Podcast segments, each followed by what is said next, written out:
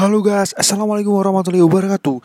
Jadi di sini saya akan membahas mengenai apa sih yang dimaksud dengan podcast. Kita di sini semua pasti tahu podcast kan, tapi kita tidak tahu sebenarnya arti di balik kata-kata podcast itu apa. Oke, saya di sini akan jelaskan ya. Podcast adalah hasil rekaman audio yang dapat didengarkan oleh halayak umum melalui media internet. Contohnya seperti ini. Ketika saya mengumandangkan suatu audio dan merekam suatu audio kemudian saya upload di sosial media dan didengarkan oleh halayak ramai itu adalah podcast.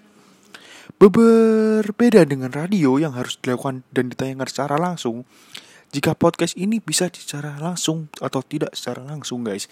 Namun podcast dapat diimplementasikan kapan pun dan didengarkan di mana pun melalui platform apa pun. Terima kasih. Bye.